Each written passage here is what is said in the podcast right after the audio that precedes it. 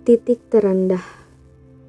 Dulu penuh energi, dan sekarang mental ini mulai lelah ketika ekspektasi dan realita bertolak belakang.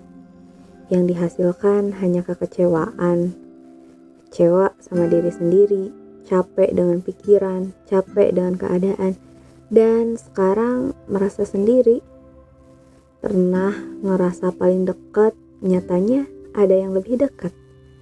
Pernah ngerasa satu-satunya, eh ternyata salah satunya. Di saat diriku menemani kamu di titik terendah, tapi kamu meninggalkan aku di titik terendahku. Jahat ya, kamu benar-benar jahat. Ketika semua manusia mengecewakan, langkah yang dilakukan diawali dengan terpaksa menerima, juga terpaksa melewati masa sulitku sendirian. Kadang ingin menyerah, tapi keadaan memaksa untuk tetap kuat. Siangnya healing, malamnya overthinking. Tiap malam dipenuhi overthinking, overthinking percintaan, overthinking masa depan, overthinking untuk tidak menjadi beban keluarga.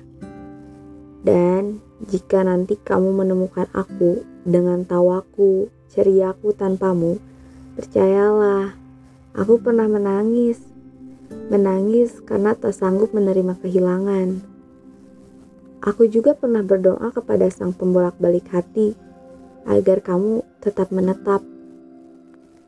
Hingga tiba waktunya aku baru menyadarinya bahwa berserah dan mengandalkan Allah di setiap urusan itu yang terbaik.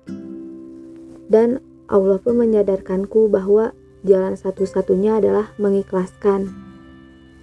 Karena aku yakin sabarku akan terbayar, lelahku akan hilang, sakitku akan sembuh. Karena aku percaya Allah akan mengatur bagaimana baiknya. Beruntung masih mempunyai Allah ketika melewati hari yang berat, karena hari kebahagiaan akan terbuat.